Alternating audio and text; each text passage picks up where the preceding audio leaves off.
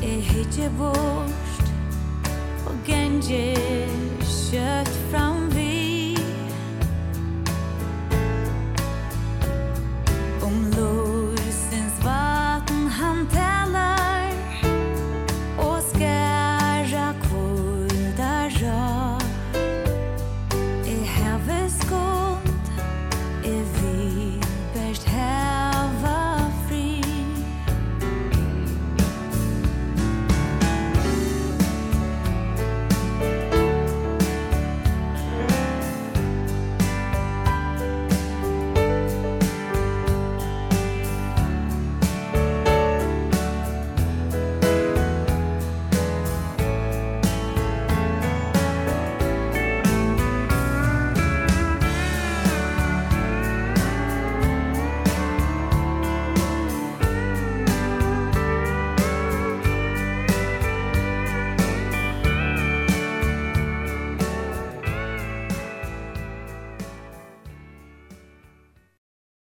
Hei, hei tid, så er atter en nødt sending vi veien i luftene. Og frutja der er og videre ferden om middag. Og verstikkere er Daniel Adol Jakobsen, og sitter her stod i Skjei og i Havn, og jeg har gesten, eller rettere sagt gesten her, Tjamar, tog eh, sendingen der hun var av, av enskånd, men hun var tolket til først. Og gesten kommer er eh, en brete som kalles for Stine Matthew, og så er det Gjørg Saberg Pedersen som kommer at tolke det her. Så vi er eh, faktisk langt kommende gang til sendingen, dette her vikskiftet. Så eh, velkommen, velkommen. Thank you. Takk for det. Og jeg får uh, spyrja Steven hvor han er, hvor han kommer fra, og hvor bakgrunn han hever. I'd like to start with asking Steve, who are you? Where do you come from? And what is your background? Wow. Um, how much time have you got? Hvordan er går du av ut? Plenty. Nei, går du? Well, m- my name's Stephen Matthew. I'm um, from Bradford in England. Jeg er Steve Matthew, er fra Bradford i Bretlandet, And uh, I was born into a good Christian family, og jeg, jeg var født inn i en god kristen familie. which I've always uh, seen as a real privilege. Det har vi alltid sett som en forrett. My family were brethren. Familien kommer å være brød og folk. Uh, my dad was one of the elders. Papen må være en av And den eldste, my older brother was one of the elders. og eldste badge må være eisen i en av den So it eldste. meant I had to be good when I was a child. Det mest at jeg måtte ikke komme ørt til jeg var bad. We were fairly um, open brethren. Vi var nok så uh, åpen brød og folk. But uh, certainly that environment taught me the word of God. Men i tog omkring noen lærte jeg årgods. Um, it gave me a very good, um, safe, you know, uh, network of friends as a, Right. as a boy. trykker oppvokst over gå om vi føler en god nedverste. And I, I give my life to Jesus when I was nine years old. Og da jeg var nødt til å gammel, da møtte Jesus, eller jeg gammelt lov Jesus. An evangelist came to the gospel hall and he actually stayed in our home. En evangelister kom til eh, samkomna Gospel Hall, og, og han bor hjemme i Tjokken. And one evening he said to me, um, Stephen, he said, you've, you go to Sunday school every week. Og han sier vi med en dag, Steven, du først i You, sundagsskolen you hver go to the uke. children's meetings. And Du først til badnamøter, so you know all about Jesus. så du kjenner alt til Jesus, ja? But have you ever asked him into your heart? Men her, du nærkant du bjør noen inn i ditt hjerte. And I was a bit embarrassed Vi ble en sin flower. because he was the, the man of God, the big evangelist. Ja, han var en sin godsmævren, en sin stor evangelist. And I kind of said, well, well I'm, I'm, I'm, I'm, not, I'm not sure. He said, well, you need to be sure. Jeg sier, jeg vet ikke ordentlig, og han sier, ja, men det må du, du må vite. He said, so let me tell you what to do. Så la meg fortelle deg hva When du you kan go to gjøre. bed tonight, Det er et første kveld, you should kneel by your bed så skal du knela ved sannsene, and ask the Lord Jesus to come into your heart og be Jesus komme inn i ditt hjerte. and thank him for coming in Og takk henne for at han kom inn, and tell him you will serve him forever. og fortell henne at du ønsker at tjene henne alltid. So I go to bed later Så jeg får i sang, settene. and you think, do I, don't I? What's this all about? Jeg husker skal, det skal jeg ikke, hva tre heter jo. But I knew it was right. Men jeg visste det. And I knelt by my bed. Jeg leier meg knela ved sannsene, I said all he told me to say. og jeg sier til som han har blitt med sagt, And then I climbed into bed, went to sleep. og så får jeg sang, og sånn er. But I know that was the moment of my salvation. Men jeg vet at jeg var løtene. So whenever I've doubted, Så tar jeg i veist, in my mind, I always go right back to that moment Så fer jeg sinne noen beit atter til til løtene. And uh, even today, I still have to drive past the house where I did that. Selv til det, så, så kører jeg fram vi hans hos noen her som gjør dette. And I look up at the window and I think, in that room is where I started my life with God. Og jeg håper ikke oppe i vinteren og husker hatta løtene her til å ta i gamle løtis. So my Christian journey started then. Så min eh, kristna affær, hon er börjar här. I'd, I, I backslid a little bit as a teenager, but not too badly. Jag får oss inte bort fra gott du tar vart han angrer, men ikke nek.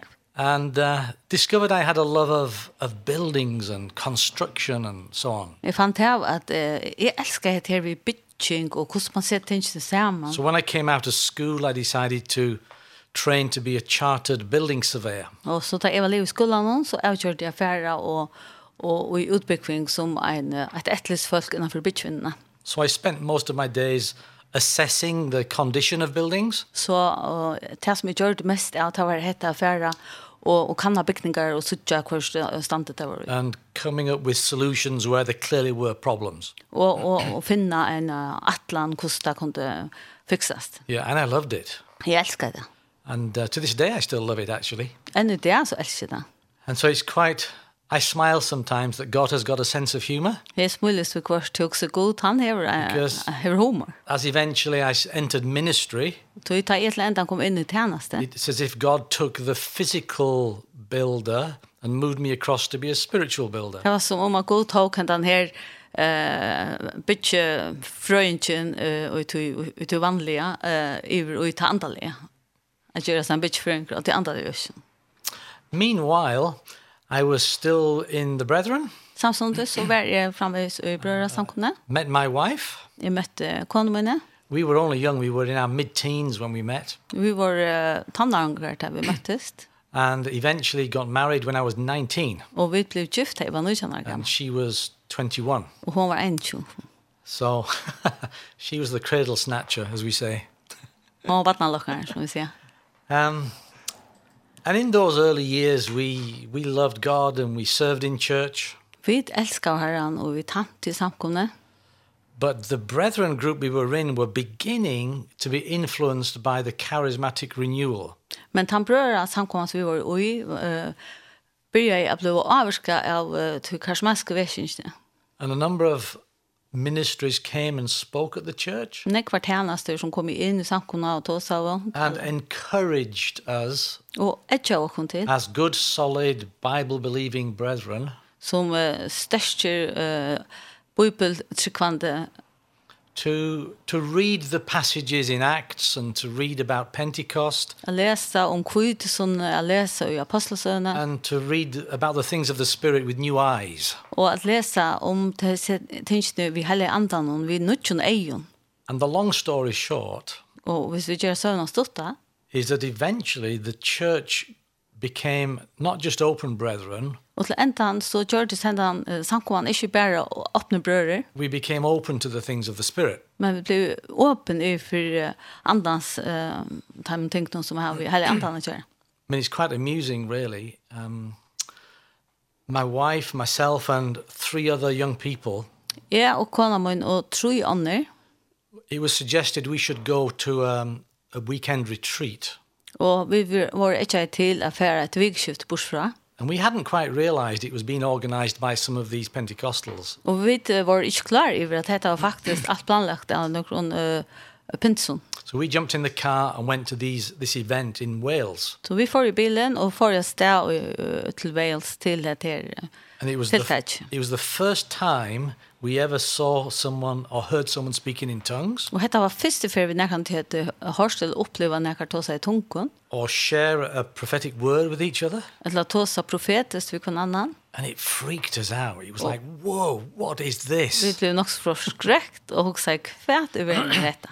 And we, I was wrestling with, no, I don't believe this. Och jag struttes in i vi, nej, jag tycker vi inte. Jag tycker vi inte.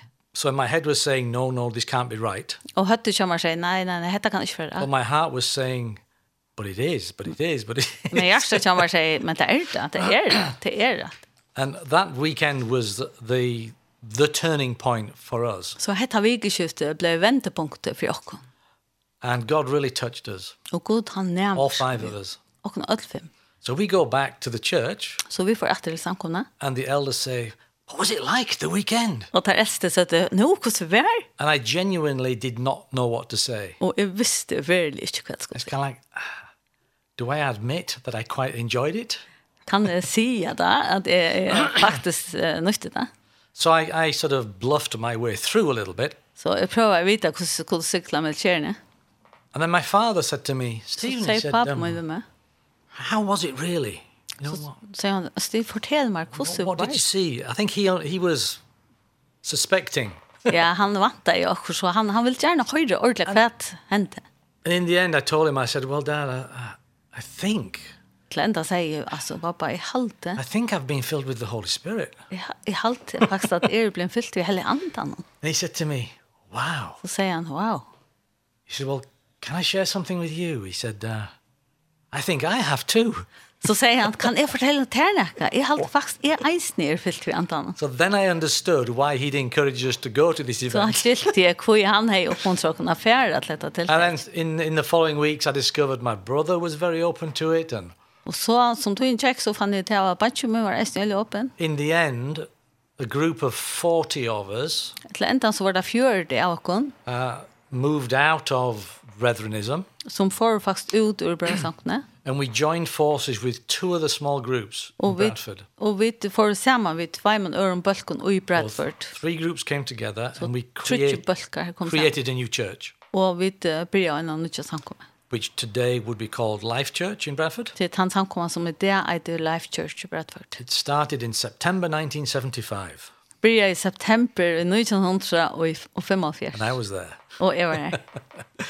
And little did I realize at the time I would one day be one of the pastors. And Løyte visste jeg at jeg en dag skulle være en av pastorene her. so the, the journey of that church is very much the journey of my spiritual growth and ministry. Så ferien i hese samkommet er veldig at ta ferien i munnen uh, antallet løyve. Yeah. So I don't know how far you want me to go. Shall I keep talking? Vi kan teka, eller vi kan teka en sang mittlen. Ja, let's take a song. Fabulous. Hva er det teka? Which one would you like us to play now? Ooh, right. Um, let's do Shout to the Lord. Yes. That song is for me a special song because I first heard it in Australia, Hesten sangren er særlig for meg, du først for jeg hørte han være i not long Australien. after Darlene Check, who'd written the song, was first introducing it. Det var ikke langt etter at uh, Darlene And, Jack uh, som er skriver han, hun introducerer sangen. It was just a powerful declaration. Det var en fantastisk uh, deklarasjon. My Jesus, my Savior. you Min know, so- Jesus, min Well, frelser. I've always loved this song. Jeg vil alltid elske denne sangen.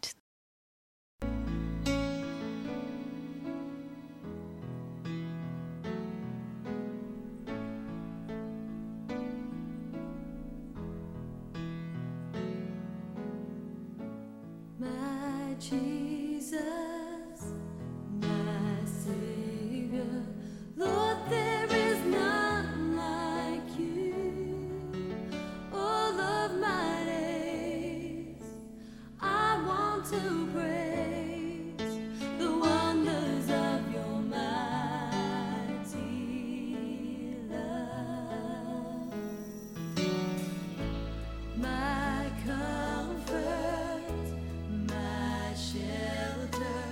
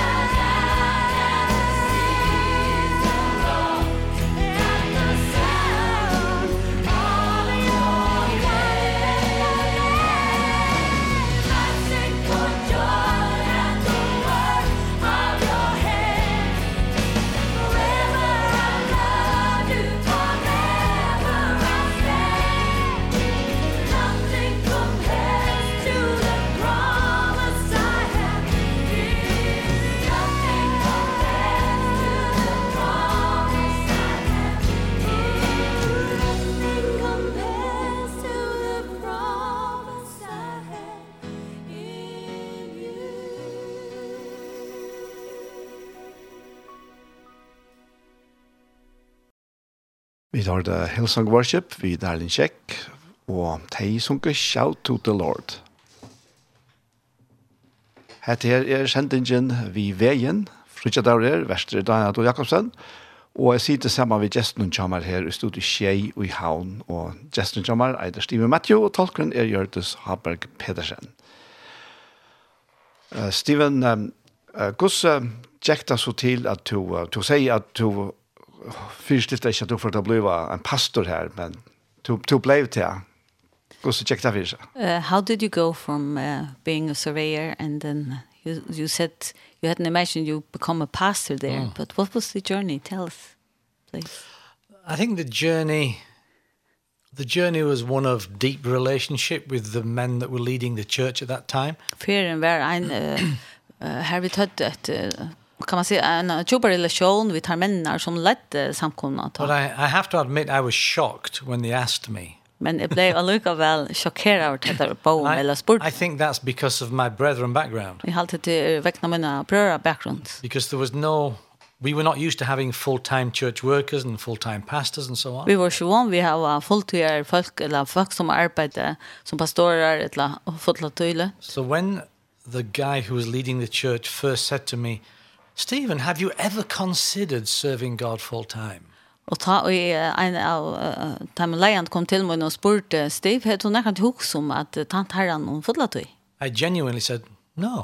Hun sier faktisk av hjertet, nei, No, I've, ne- I've never thought of that. nei, det har vi um. omgang hoks om. But I love the Lord and I love the church and Jeg elsker herran, jeg elsker samkomna, our life is committed to advancing the kingdom of God." And og akkara løyv, uh, vi ikke bare gos rujtje skal genga fram. so he basically said to me, "I think you should consider it." Så sier han faktisk ved meg, jeg halte du skal hoks om. He said, "I I think the hand of God is on you to Vet ikke hva at gos sånn du rett der? to serve His people and uh, you know, no pressure." Ikke but- bare noe trusht, men um So about a year later, omlai et år sættene, I got a direct offer. så fikk jeg faktisk, uh, ble bjøy over det. The the church basically said we need someone with particular skills, Ta seg samkommande til søtt, vi tar bruk for en som hever uh, særlige gaver, and we've been praying about possible candidates, og vi tar bi om at um herren skal vise oss uh, kandidater. til and we dette feel we arbeid. should ask you. Og vi uh, kjenner da oss om vi skal spille til. So I was 26, Ta var i 26 år gammel, married, two children, og gifter, og vi tar tvei bøtt. and I talked with my wife. Og ta sier vi kone min om det. Um, I'd been fully qualified for a few years by then, Jeg har haft min fotlig utbygging i noen år da. and basically what we decided was Det som vi faktisk avkjørte var, I'm young enough er ung nok to try it out. at røyne det. So what I'll do is let let's do this. It's a bit of an adventure, Jeg lette oss, dette er en avbjøring, lette oss gjøre det et eventyr. but I will also keep my surveying credentials up to date. Men jeg får lukka til å halda mine papur uh, oppdatere. So if I do need to swing back to that work, I always can. Så om jeg um skal atter til det vanlige arbeidet, så kan jeg alltid være atter. So on that basis, my, my wife said, "Okay, we'll do it then." Uh, og, og av hessa grunn så sier konan, ja, kom, vi gjør det. So I joined the church staff, Så jeg ble and en av Oh, they starsvaktene called i me samkommet. a pastoral deacon. De kallet meg en uh, hiradikon, eller en eh, pastoral diakon. Yeah. Oh. Which nobody had ever heard of before. Og ikke når jeg har hørt at det uttrykket før. They just needed to call me something. Det er du bruker å kalle meg et eller annet. And I spent about two years just serving the senior leader, Og i tvei år så tante jeg bare uh, leier noen. to whom I owe everything. He was my spiritual dad, really. Han var allt för mig, han var min antallig färg. He discipled me thoroughly. Han hjälpte mig att uh, göras en sann lärarsvänner. He's a man called Kerry Jones, Han heter Carrie Jones, still alive, han lever än.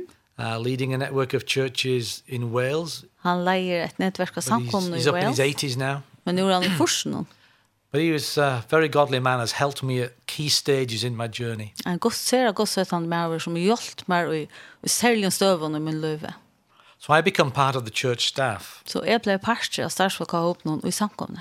and eventually had more of a pastoral role. Så blev jag mer involverad ute i pastor och alla. Was doing a lot of discipleship eh? and teaching. Och underviste och hej vi lärarsvännerskap att göra. And seven years in, Och att när tjej är, the church decided they needed a bigger building. Så er kjørt samkomman at det er bruk for en større bygning. We looked around for places. så vi hukte etter en og Couldn't nødvendig find sted. anything. Funnet jeg ikke. So the decision was, well, why don't we find some land? Så er kjørt var til ikke kviffen av ikke jeg stedet jeg gjør. Again, long story short, we, we ended up buying the site where Life Church is now. Og at det enda vi har vi kjøpt sted her som Life Church bratt for det er i det. We're going to build a building. Og så får det bytja en bygning. But we need someone to lead that project. Men vi tar bruk for at onkur leier could it verskatland. be? Hvor kan det være? Ooh, Steve, Ah, Stig. you're the guy with some building background. Ja, jo, to er vi involveret i sånne ting om før. So I was moved off the pastoral work to lead the building project. Så jeg ble tidsen av eh, til uh, aksjon her tjeneste og til pastorala inn i bytjeprosjektet. which we did. We completed the first building. Og det gjør det vi, vi bygde den første parsten, første bygningen, That opened on the 1st of March 1987. som åpnet 1. mars 1924. yeah, it's funny what you remember. Stått til det som du minnes. and the idea was that then I would swing back into being part of the pastoral staff. Så atlandet var at jeg eh, hette hendet bytjeverket til en vali, og så får jeg inn etter og være størsmål som åren. And for the first time in my life, I discovered that I couldn't. Og først for løgnen så oppdager jeg, men det kan jeg ikke. Other people were doing what I na- had done before. Folkene gjør det som jeg gjør det før. It was uncomfortable. Det det føltes ikke eh, beheilig. It was as if God was disturbing the nest. Det var akkurat som en god årek var i nekka og røyren. And it was weird. Det var løy. I'd never felt anything like it before Jeg har omgått følt nekka sår før. because I was born in Bradford. I trained in Bradford. I'd been there all my life. Jeg var født i Bradford, eh, jeg, jeg finner ikke utbygging i Bradford, jeg bor alt. And the brothers who were leading the movement then, they said to me, Steve, Og brødrene som lette uh, hesta bevegelse søtte stiv. maybe God is wanting you to have a change, to move. Kanskje er det herren som gjør også i din hjerte at han ikke du skal flytte. And that had never been in my head. Og det er aldri vært i min I tank. mean, all our family was there, our grandparents were there, you know. Alt min familie var i Bradford, og ommer og appar, er. alt var her. But long story short, we we prayed and we came to believe we should leave Bradford. Men vi bo sammen, og vi, eh, vi kjente det bare så at, at herren kallet kom til at flytta ur Bradford.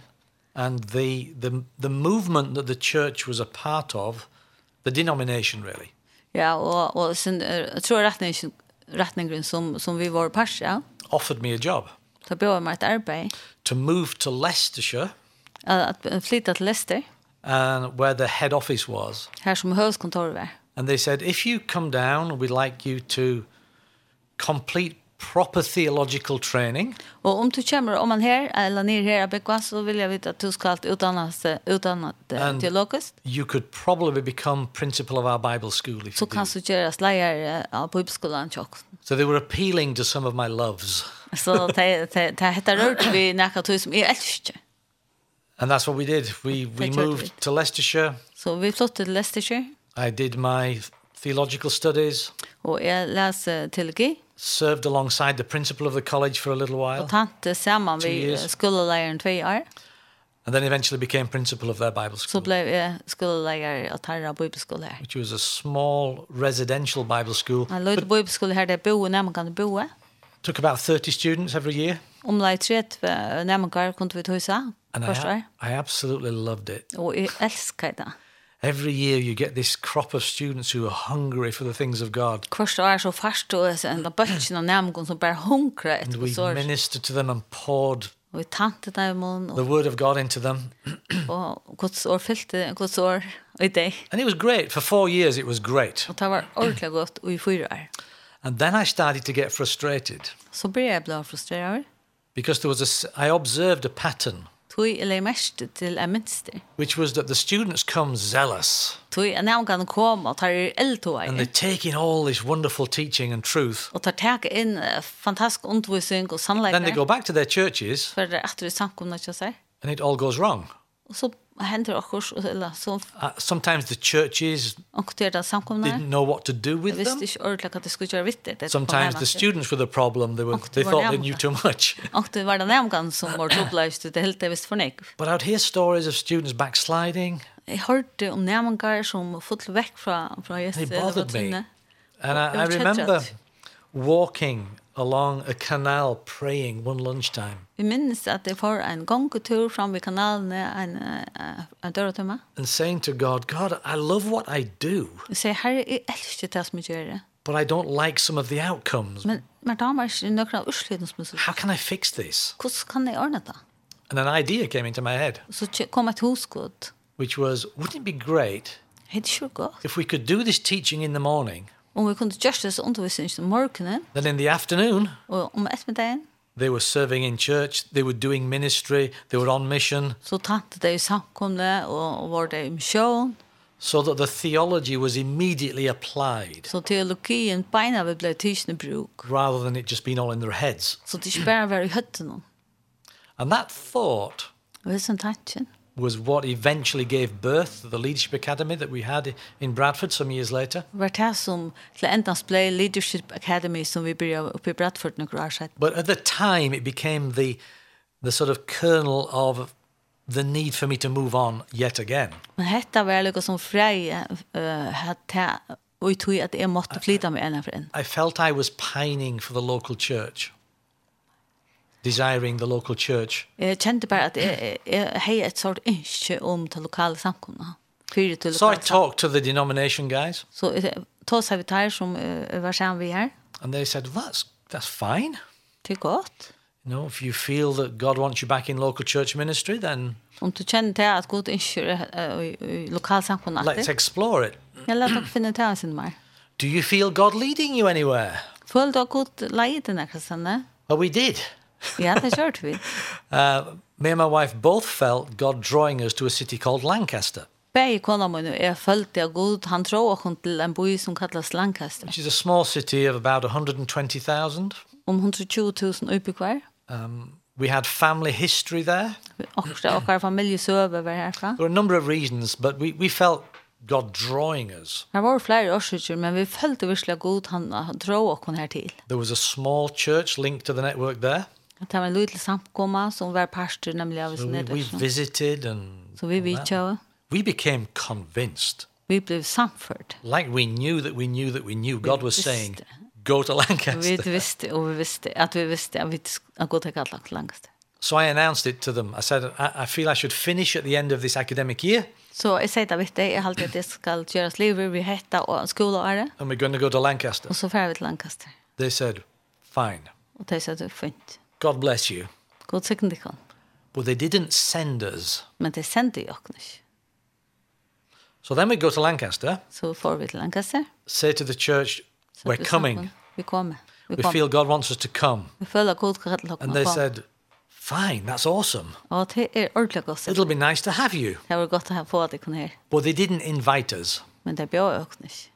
So it was it became about are we prepared to go Så at det ble så, er vi, vi må spørre oss selv, er vi fire ikke jeg when we're not being sent and we're not being invited? Da vi ikke blir sendt, og vi ikke blir bøyen. Has God really spoken to us? Her var god ordentlig å tale til oss.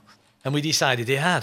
Og vi funnet det ja, det her. So we just went for it. Så får vi Sold our house, solgt, selgte huset.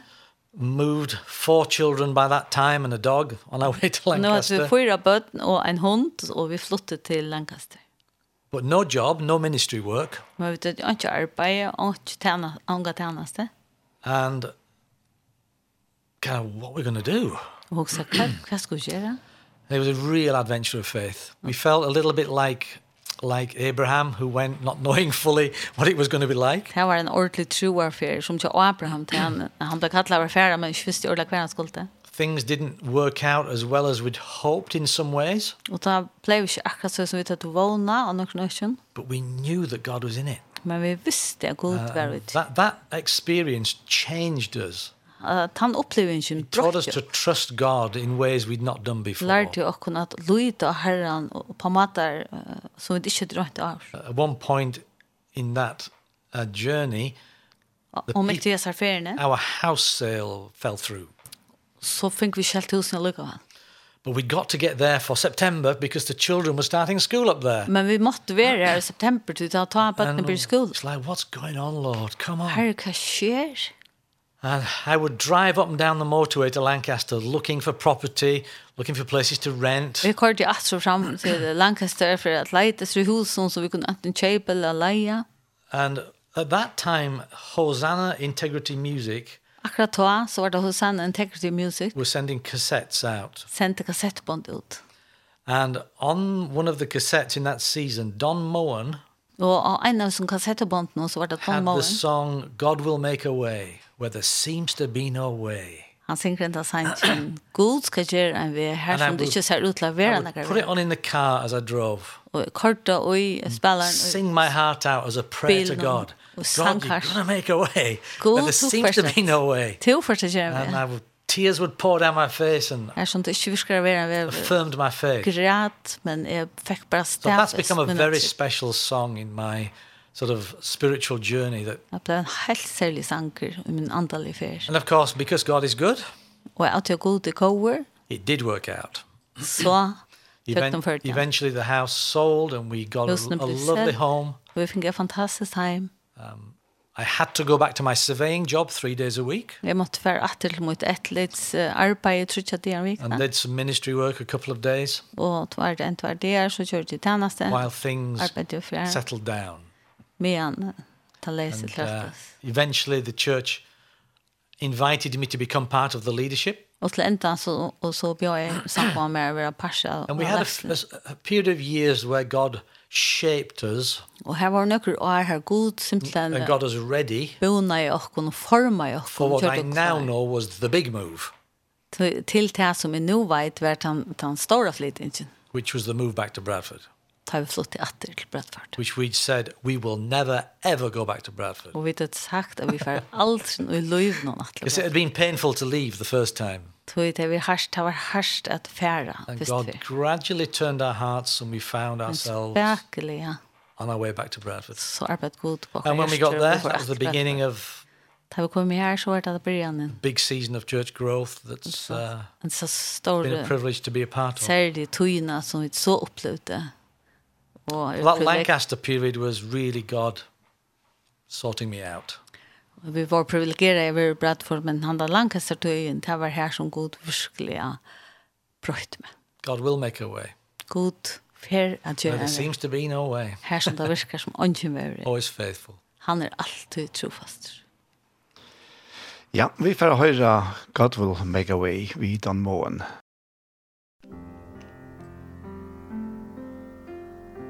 God will make a way where there seems to be no way. He works in ways we cannot see. He will make a way for me. He will be my God.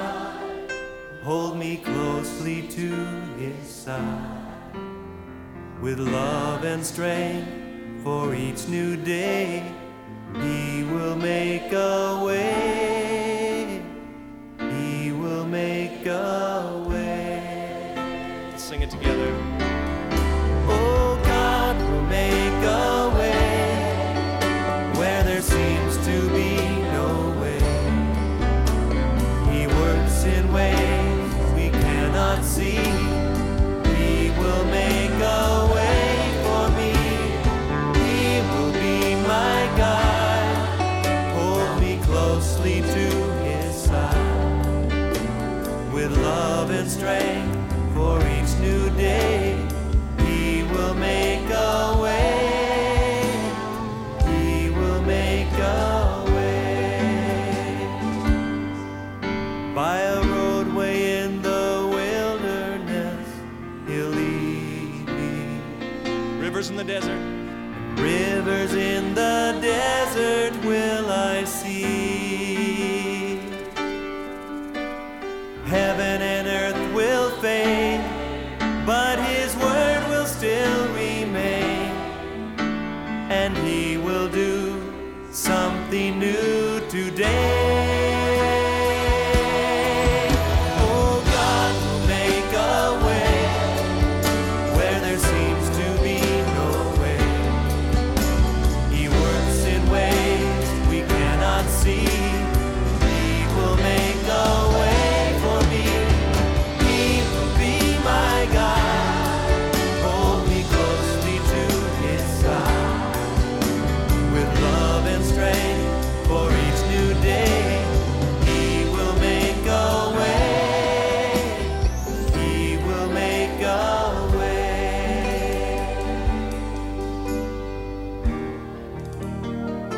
not be here tonight.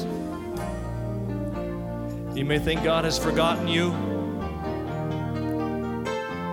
about your situation, but he hasn't. The Bible says that we are inscribed on the palm of his hand.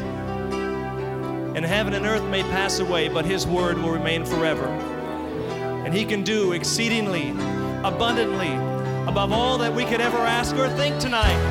Amen. Let's sing it. Oh God, make a way where there seems to be no way. He works in ways we cannot see. He will make a way for me. He will be my God.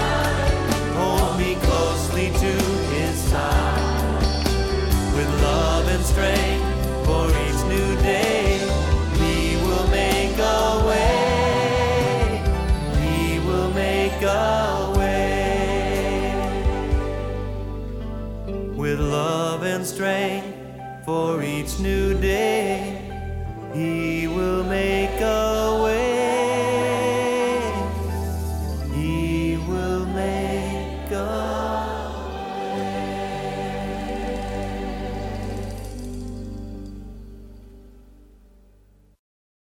Vi tar det denne måten vi sender noen, God will make a way. er Hette sendingen vi veien, og til er sendingen bare sending fra det.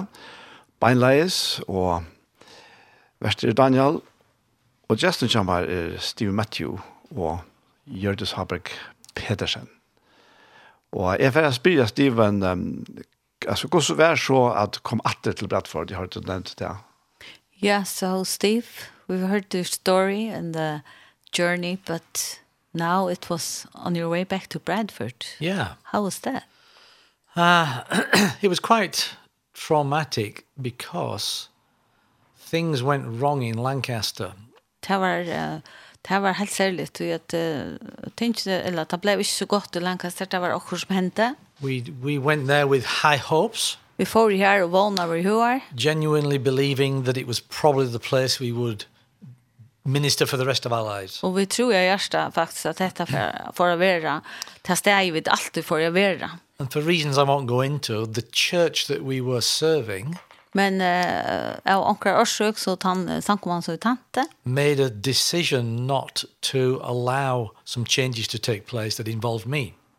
Och det tog jag ut om att uh, det får inte göra några brödingar som eisen involverar mig. And I was confused. Och jag var förvirrad. över. I went to God and said, What's going on? Men får det god och säga, vad händer? This can't be right. Detta kan inte passa. How can human beings stand in the way of your plan for my life? Hur så kunde människor stanna i vägen för This is två in i just wrong. attan för mitt liv? Det är också galet. And God was just saying to me, God Be save in me. peace, be in peace. Bara vara i fri någon. And it became very clear that all the things in my heart, Det blev helt grejt att allt det här som var uh, i min hjärsta, um, to be part of a, a church that could reach a region, uh, att vara parst av en samkom som kunde nå ett område uh, to establish the college that was in my heart, uh, och att få sätta stående att det är enda bibelskolan som var and a i min number of other hjärsta. things. Och andra ting, It was never going to happen there. det här får inte hända i Lancaster. So what do we do? Så vad gör vi nu? Well, I talked to my spiritual fathers Så då säger vi mina andaliga fädrar. and I poured my heart out to them and asked them for Säger wisdom. dem vad de hejer i hjärtan någon och spurt om tar kunde göra mer wisdom. And they deduced God was moving me on. Och tar tror jag god för att flytta med. And uh, by that time, I'd realized that probably the best place for me to serve Och då har jag funnit det av att kanske vart det bästa stedet som är att tjäna. was not as the senior leader of a smaller church, Var inte som, eh, som den främste lejaren i en av lutlare samkommet, but as a team player Men- on a, on a team leadership in a bigger church. men mer som en, eh, av en någon töjme i en större samkommet. So I've never wanted to be a senior pastor. Till jag tror hon kan du vara uimar att uh, inte vara främst Always lejare. happy i en to sam- serve alongside. Men er det här att tjäna samman vid, det är det som jag bränner för. And so my wise spiritual father said to me, Så de vise antallet färger som man he said, säger. I totally agree. Jag He said, I think you've heard from God. är pura samtidigt. Jag har alltid hört så gott. So how about we make a list of the senior leaders in the movement that you believe you could work alongside. Og hvert vi at vi nu gjør en lista av Taimon fremste leieren og i hans nettversen som vi arbeider vi, som to helst at to kunne ta. So we make a list. Så vi gjør en lista. There were only four people on it. Her var bare fyra folk. And one of them was Paul Scanlon, who was leading the church in Bradford by this time. Og en av Taimon var Paul Scanlon som ledde samkomne i Bradford. But I didn't put him on the list officially Men jeg hørte han ikke ordentlig av listan. because I wasn't going back to Bradford. Så jeg atlemmer jo ikke atle Bradford. Because I'd said, we're not going back there. Så det har jeg sagt, her var jeg ikke atle. So they very graciously allowed me to explore these other relationships. Så at her løpte meg at uh, kunne røyne av seg her religiøse relasjoner. And one by one, they quickly came to nothing. Og en, en fyr annen etter så, så ble det lønnes. And my spiritual dad said to me one day, he said, Steve, he said, uh, Min er antallig færre sier med en dag, Stiv. are you not open to going back into Yorkshire? Jeg står ikke åpen for å færre atter til Yorkshire. And I wa- I was kind of put on the spot. Han spurte meg beinleis. I said, well, we've always said we wouldn't go back. Vi har alltid sagt at vi vil ikke atter. But we're getting to the point now where we've just got to be, we'll do whatever God wants. Men nå har vi kommet til punktet, her vi gjør alt det som du vil. He said, well, let's explore it. La dere finne til hva du sier. Now, that happened when I was away, um, away from Lancaster. Og dette hendte medan jeg var bort fra Lancaster. So I ring my wife that evening thinking, Så jeg right, ringte til konen min og takk kveldet. I'm going to have to tell Kay what, what they've said. Nå må jeg si at vi kan hva de har de har sagt. And I'm thinking, she's not going to like this. Og nei, dette for henne ikke da. There's, there's no way she wants to go back to Bradford. Hun får ikke vilja atle Bradford. So I get on the phone. I said, this, she says, how did it go, the conversation? Så jeg får få ringte, og hun spurte nå hvordan det gikk. I said, uh, I said, but um, this is where it got to. I said, and th- they've actually said to me, would I be willing to consider going back into Yorkshire? Så jeg sier vi henne at um, faktisk er det så løs at her har So I spurt kept it om broad jeg rather vil, than specific. om jeg er villig til å fære atter til Yorkshire. Så Because jeg Yorkshire's helt the an region. Brian feltet alt Yorkshire til jo størst omreie. And then I was waiting for her to go, no way. Så bor jeg etter at hun får si nei, aldri. And she said, hmm. Well, I was out walking today. Så sier hun, mm, da jeg var ute og gikk meg en tur. I'm i dag, just thinking it through and Hun sier Jøknes Tengs. I just felt this overwhelming feeling came over me. Og jeg bare kjente disse største kjenslene som kom av meg. Uh, Wouldn't it be good to go back home? Jeg er ikke for godt å fære hjemme etter. She said, so I think you're right. I think we should do it. Så hun sier, jeg halte jo rett, jeg halte jo ut, ja, Så- la dem gjøre det. Now it's me that's shocked. Nå stand jeg her i sjokk. In a day, God turned her heart and he turned my heart. På en dag, så venter jeg And I gjør think, I think from that moment, we knew it was going to work out. Fra til løtene visste vi at det hette det. And it took a few months, but obviously Han holdt en romaner, it did. And we ended up moving back to Bradford og vi eh, flyttet i Attelbrød in 1996 i 1956. and uh, became kind of second in command Så ble vi et akkurat som eh, hjelper as eh, the uh, sen- leier. I was called senior associate pastor. senior associate pastor, altså And in han the var years, sorry. arbeidet sammen vi til fremste leieren som nummer tve. and then in the years that followed, Og det er Arne som kommer, Paul and myself and a small team, så var det Paul Scanland E og et lite tøyme, we took the church on a journey which completely reinvented it. tok samkomne av en affær som fullkomlig har brøtte samkomne. We, we called it crossing over Det som vi kallar det er at vi får from the i story om of Joshua. fra uh, Josva bok uh, Bibelen, It involved building another building og vi bygde en bygning av træt, on the same land, og som uh, samme øtje. and it involved taking the 25 year old church by that time Så nå tok vi disse 25 år gamle uh, samkomne, s- across the car park into this new building. iver om eh, parkeringsplasser, iver utan nødvendig bygningen. But to us, we were planting a new church. Men i okkara sinne så plantet vi en And the nødvendig car park was the River Jordan. Og, og parkeringsplasser, det var eh, Jordan And Øyen. uh, we were leaving the old behind and we were going into the promised land. Og for- vi får fra til gamle, og vi får inn i Lovailand. And God, God helped us by using that picture God hjelpte jo vi å vise oss av til myndene. to lead the church over, At leie samkomne i rom, uh, not without its issues, obviously. det sjálv han det er heita eh, imskar erbjørngar, And once we got over there, God breathed on it, and the men her vi church, kom i rom så um, var følte vi bare god, han the church blåste grew alle. rapidly in the following seven years. Så samkommer han bare vaks og vaks til neste tjej årene. From what was about 350 people to Om lai for 300 og holdt trus folk var vi, about 2,000 every weekend through the meetings. og så ble vi opp til 2000 folk først vikskift. I managed to start my s- Bible school in the church, Og eh, jeg begynte i bibelskolen i samkommet som jeg brent for, do many of the things that God had put in my heart. og jeg gjør nekka dem tingene som god har er lagt meg hjertet. So it was a real joy. There's a- There's a long story to tell about that. That's how I got to the Faroe Islands, Og actually. til isn't it? eisene, tannveien jeg kom er til førre, Because friends came from the Faroe Islands. Well, not friends, th- they just came from the Faroe Islands. random people, Eh, til nok folk kom i førre, Daniel and Yurdis. da jeg lærte oss. And uh, Daniel had been sick, and they came to as part of the recovery. Så parster av at, at komme fire seg etter eh, til Daniel, så kom Daniel Gjørts til Bradford, They decided to stay in the church for a season og ble eh, værende og i samkommet i noen år. and to actually do the academy course. Og vår parster av ak- akademien, eller for i bibelskolen. And as a second year option, if you wished, you could um, serve alongside a member of staff whilst doing some more studies. Og um om du teker andre år i bibelskolen noen, så kan du tjene sammen med en av startsvakten og i samkommet. And Yurdis decided to do it. Og det gjør det gjørtes. So we had to find a project for her. Så vi måtte finne til hva de skulle gjøre. And the only person who would take her on was me. Og den eneste som ville takke henne og lære, det var det. So Yurdis became my assistant, my kind of little disciple. Så Gjørts ble min lærersveiner. And uh, that journey has made us great friends. Og den ferien hun gjørst av video ble nødvendig å gå inn i. So at some point, Daniel and Yuri said to me and Kay, you must come with us to the islands. Så da jeg gjørst sett vi og kon, uh, kon og med, vi må, de må komme vi og følge. And it's been a joy to be part of helping the church in the islands since then. Det var en glede at komme og vi ikke her. Og 10 years, exactly 10 years since I came for the first time. 20 år siden er jeg kommer for først for I think I've been seven times now. So, samlet det. yeah. Ja. Schaefer i følgen. So it's great. We've been really happy to have you. Vi tar Thank you. veldig glad for at jeg har haft det. Yeah. Ja, til helt visst, jeg vet jeg er øyelig glad for jeg får vidjan av. We've been really happy to have you visit. Kvann sangklass ble takk er her. Which song would you like us to play now? Hallelujah chorus.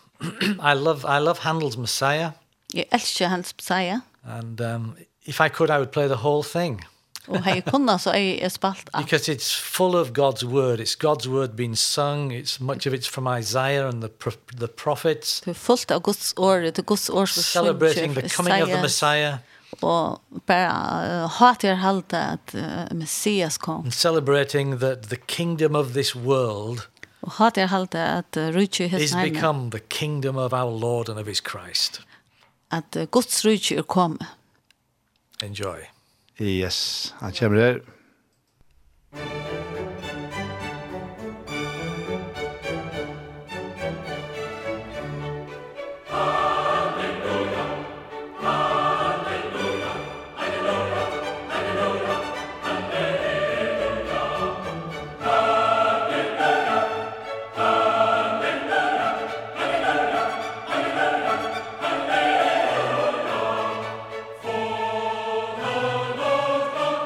Hallelujah,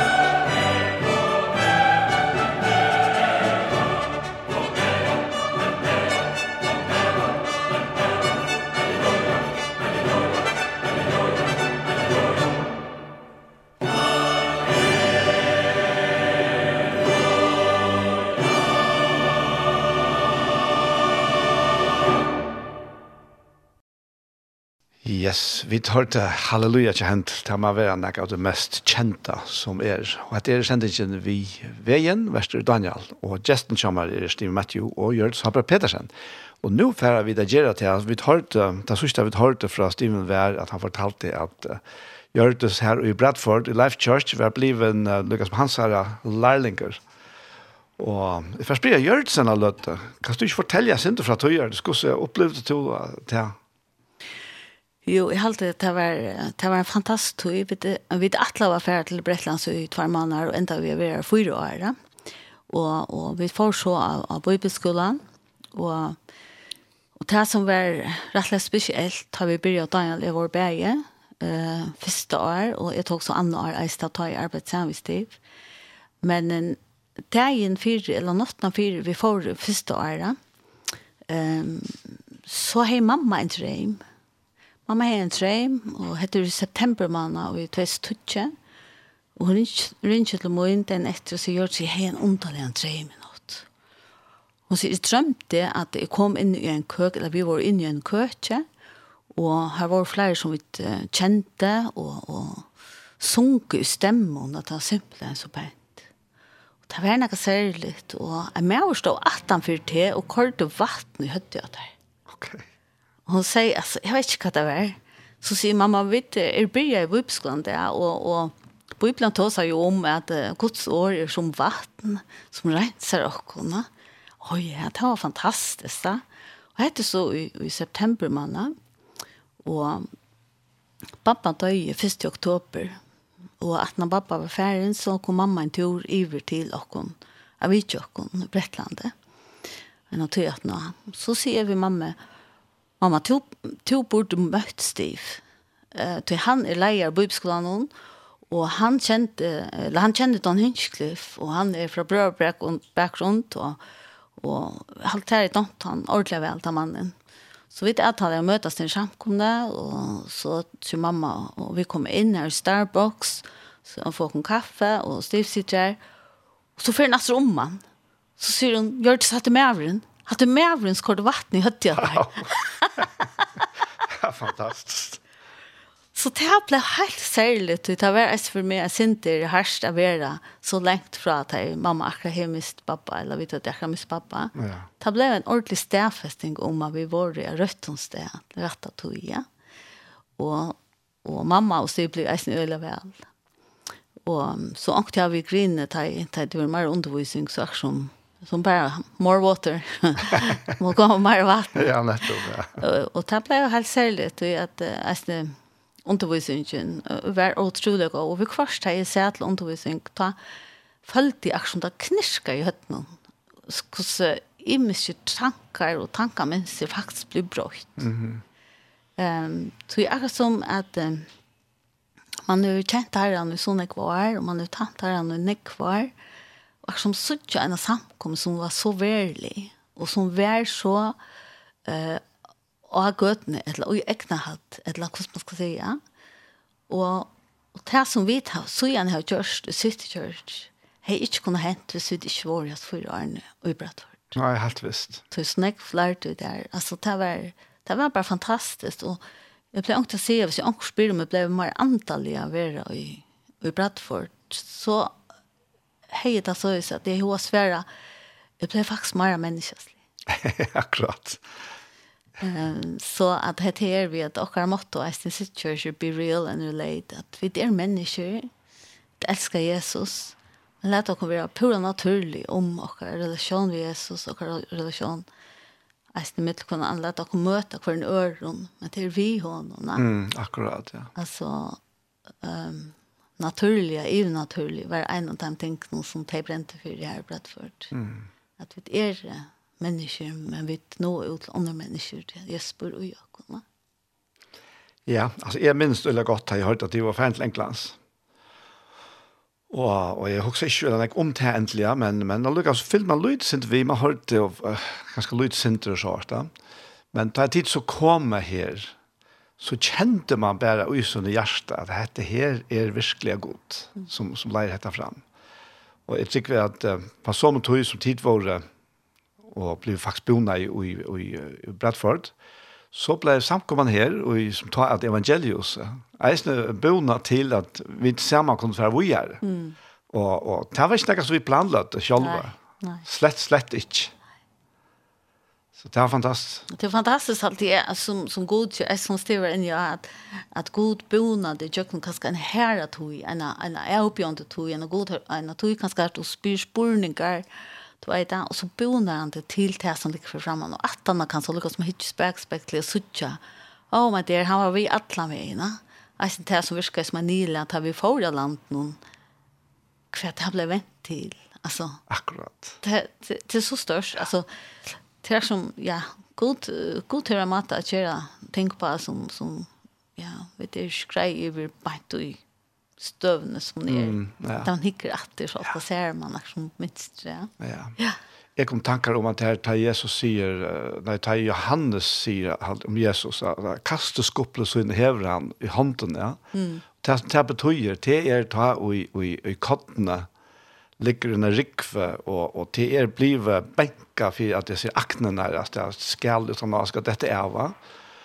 Og, og for at jeg får, for jeg får kottene rensa, så må man ta en sånn øyla stor en speka, og en dekade vinter, så kastar man det til kotten Oi. oppe, og så tek vinteren til latta borster. Mm. Og det er nevnt beheilet akkurat å komme sånne tur, men vi har vært flere her som har rønt akkurat sånne luftturer, og, og at han har vita vita. Men vi har sett ångande bestilt det selv, hvis det er til å være. nämligen nämligen ja och att henne vi styver Eisen är fantastiskt eh tror jag att eh, han är med till annars gröna bok som heter Wisdom Wins eh och ankor som eh, som läsarna här eh, i samkomne landjonknarna eller människa eh det så det är helt otroligt att boken er går sen har det er akkurat som att ta sig visst det Eh, og han er uh, fotra av visdomme uh, og, og eisen røntgen innenfor uh, samkommet arbeid og at tjene her er noen at det er veldig stort litt at, at uh, oppleve. Yes. Uh, jeg har, jeg har spilt litt sin mer til Life Church, og, og I'd like to ask you a bit more about Life Church. få han i några tre bananer. Han skulle være her. Your mic's on now. Okay, sorry. Yeah, So Life Church, Tell Life us. Church. Back in those days, it was called Abundant Life Church. ta uh, er samkommet kattla Abundant Life Church. And um, as I said before, the, we, we grew substantially in a seven-year period. Vi vokste øyene uh, på disse tjejårene som jeg nevnte, Janne. As I reflect back on it, Da jeg ikke atter. I think the reason we grew så halde jeg årsaken til at vi vokste snakk. was because God did choose to breathe on it.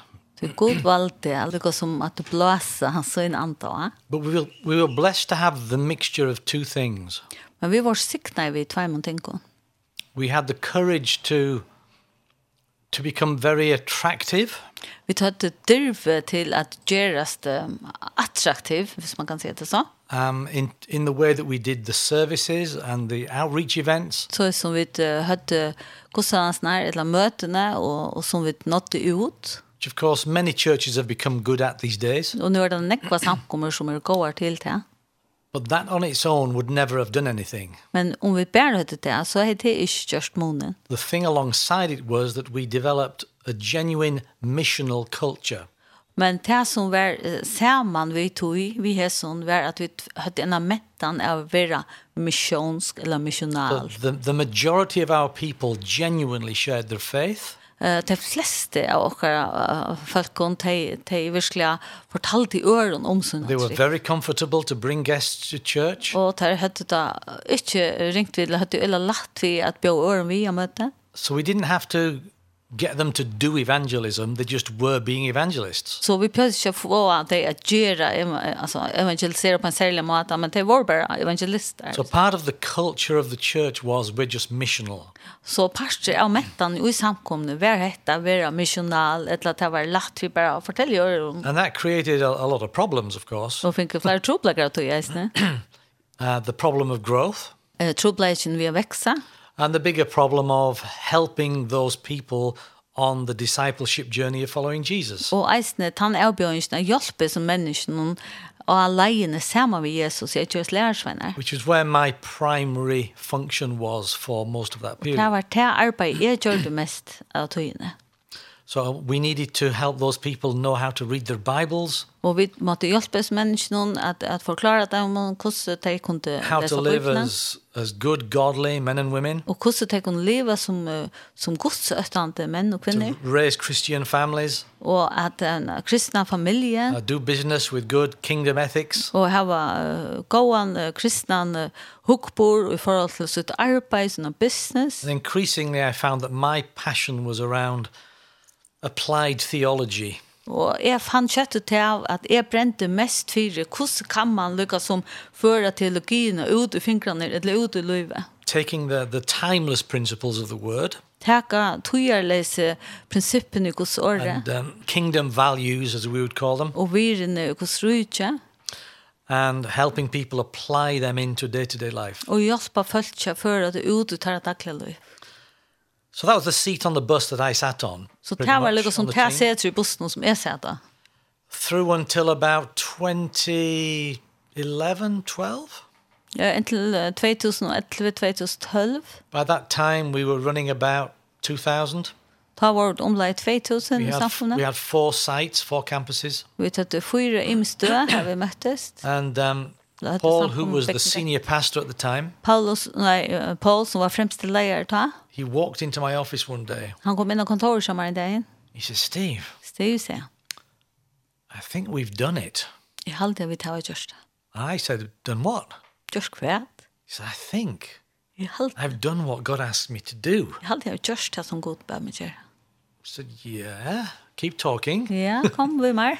And he basically told me how he'd been on a journey talking to God. Han fortalte meg faktisk han er ved en fer her, han er tås av herren. And he'd felt that all the prophetic word over him, Og han følte at alt det profetiske årene som var søkt i han, all that God had put in his heart, alt det som god har lagt under hjertet, he had outworked it. det har han gjørst. And that God was asking him to move on into a new season. Og god eh, ber han om at flytta seg inn i en av nødja uh, tog. I was shocked. Jeg var sjokkeret.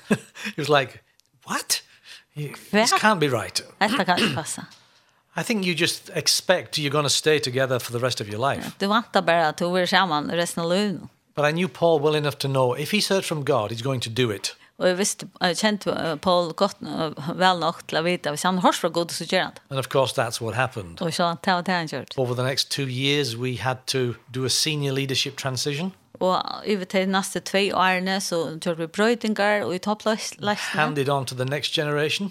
Och gav ju över till nästa atelier.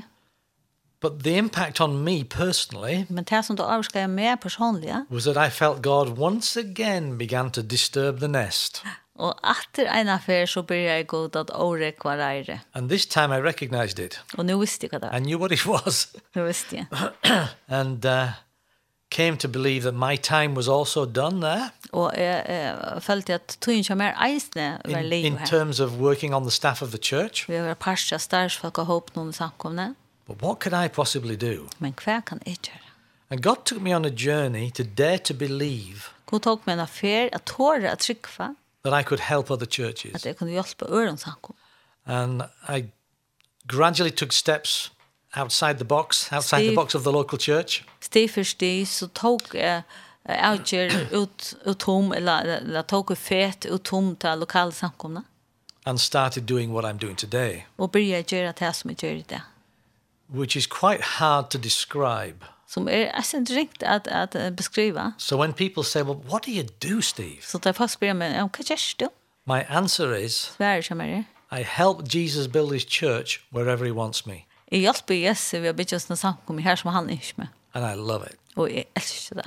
I get to all sorts of strange and wonderful places, Jeg slipper alle mulige løkna og gåa stedene. to different traditions of the church, Imiske tradisjoner og samkommer. different expressions of the body of Christ. Og imiske uttrykk av, av kristelige Uh, menn. God has really blessed us. God til å virkelig sikre noen. And uh,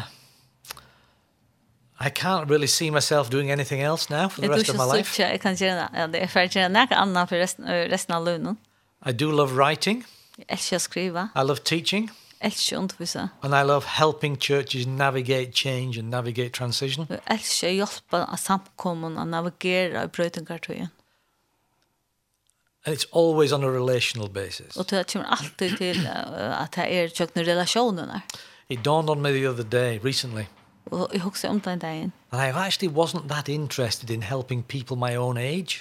At eh, jeg er ikke så rett klar for å hjelpe folk som er min, er, har min alder. Because I'm in my 60s now, Så nå er jeg trusj noen, but I'm still, I still want to help the younger generations. men men da har jeg vel hjelpe dem yngre. Uh, I get joy from equipping them and encouraging them and cheering them on. Det gjør meg glede at hjelpe dem og gjøre dem anpå og bare få dem videre. That's what I'm, I'm enjoying that about being here now, Og det damer er så vel ved å være her nå. working with, with Tom and Guri, the new leaders at City Church. At arbeid uh, vi Tom og Gori til en nødvendig leier i City Church. It's so good to see the next generations er Det er coming så through. godt å sitte ta er nødvendig atterlige. But they need the wisdom of the older generations alongside them. Bruk for visdommen fra dem og We need, eldre sammen we visst. need to work together Vi må arbeide sammen and continue to expand God's kingdom og holde å at the ends of the earth. bytte oss rydtje til enda gjøre inne. So the final piece of music that I'd like Så da sørste tonleikeren som Is the jeg kommer blessing. sammen er The Blessing is the Signature. blessing basically is saying, bless the family, bless the children, Signature bless the sier multi-generational nature of church. sikna familiene, sikna bøttene, sikna öll atali i Guds rydtje eller i Without the samfunnet. blessing of God on what we're doing, Til sikning Guds til we're, det som vi gjør. we're mere humans. Vi er mennesker, But with his blessing on us, men vi hans er sikning og åkken. we can change the world and we will. Kunne vi brøyta heimen og tilfære det gjør. Amen. Amen. Amen. Steven, jeg får takke deg så hjertelig for at du kunne komme her og eisen tergjør det. Steven, I'd like to really thank you that you would come here.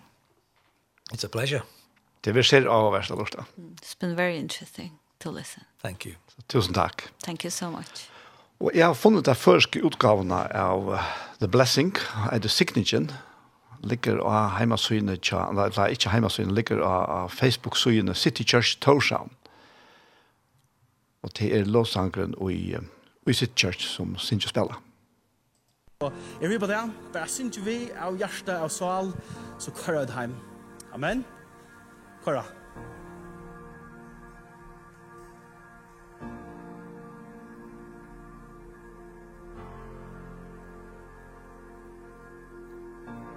Herren signeter over veide all i sutt lyse at te verden eier der Herren lite jo er som suina og der tjene fri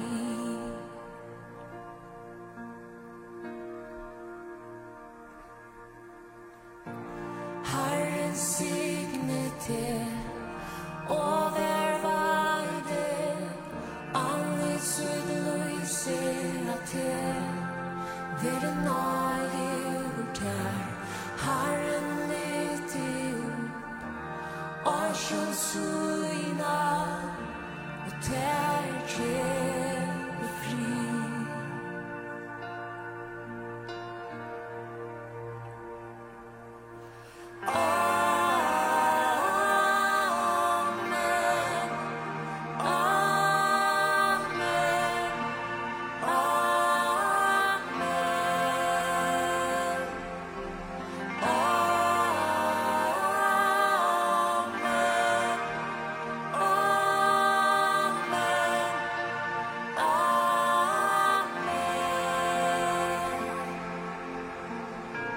Herren signe til over veide alle sutt lyse til ved en nøye utær Herren lite og sjøn suina og tær kjell fri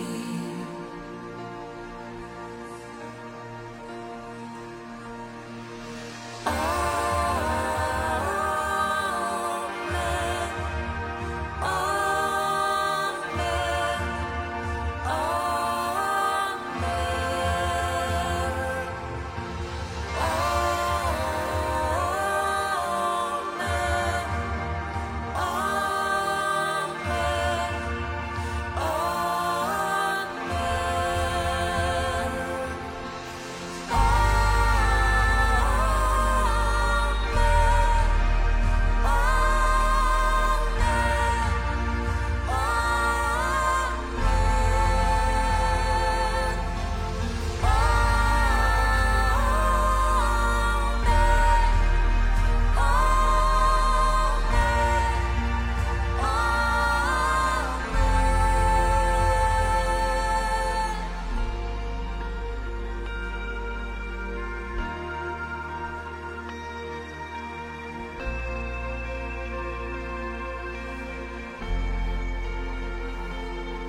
Herrens värld Hon är vit här och vi tusen Att där liv Du någon karo, du någon bön Vattna bön, och där är bön Herrens värld Hon är vit här och vi tusen Att där liv Du någon karo, du någon bön Vattna bön, och där är bön Herrens värld Hon är vit här och vi tusen Att där liv Du någon karo, du någon bön Vattna bön, och där är bön Herrens värld Hon är vit här och vi tusen Att där liv Du någon karo, du någon bön Vattna bön, och där är bön Han som lärde Fly katter Vid i andan Vid i flamman Kom down under Han är där Han är vinter Han är vinter Följa morgon Och han följer Fram i kulor Och vad tuter Vad du rättor Vad du läges Han är vinter Han är vinter Han är roter Han är tjatar Han är vinter Han är vinter Han är roter Han är tjatar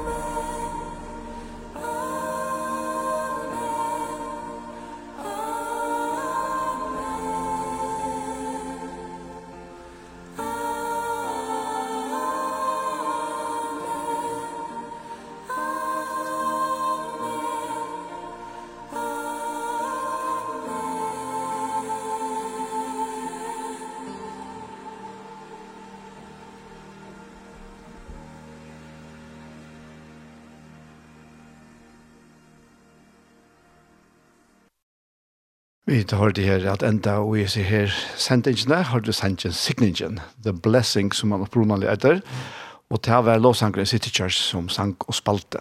Og dette her var så en sending vi veien, Her og i Steven Matthew og England var gestur i sendingene, og eisne Gjørtes Haberg Petersen, hon tolka han, og hon sier eisne sinte fra Terje Tui her, som det heter saman her og i Bradford i England. Et sere av verst, en øyla god frasøkn, det var ikke prat, det var han som fortalte, og det var, ja, det var godt. Hente her sendingen, hon vil høyre atter i kvöld, frutja kvöld, klokkan nudje, og så vil hun atter høyre i morgenarne eh, klokkan fem.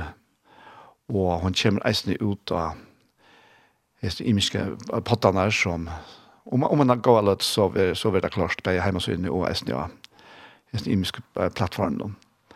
Så, etter det beste sida, tusen takk for hesfer, og ha godt vikskiftet. Takk og dokta ting til ikkje Ein so heimsinn er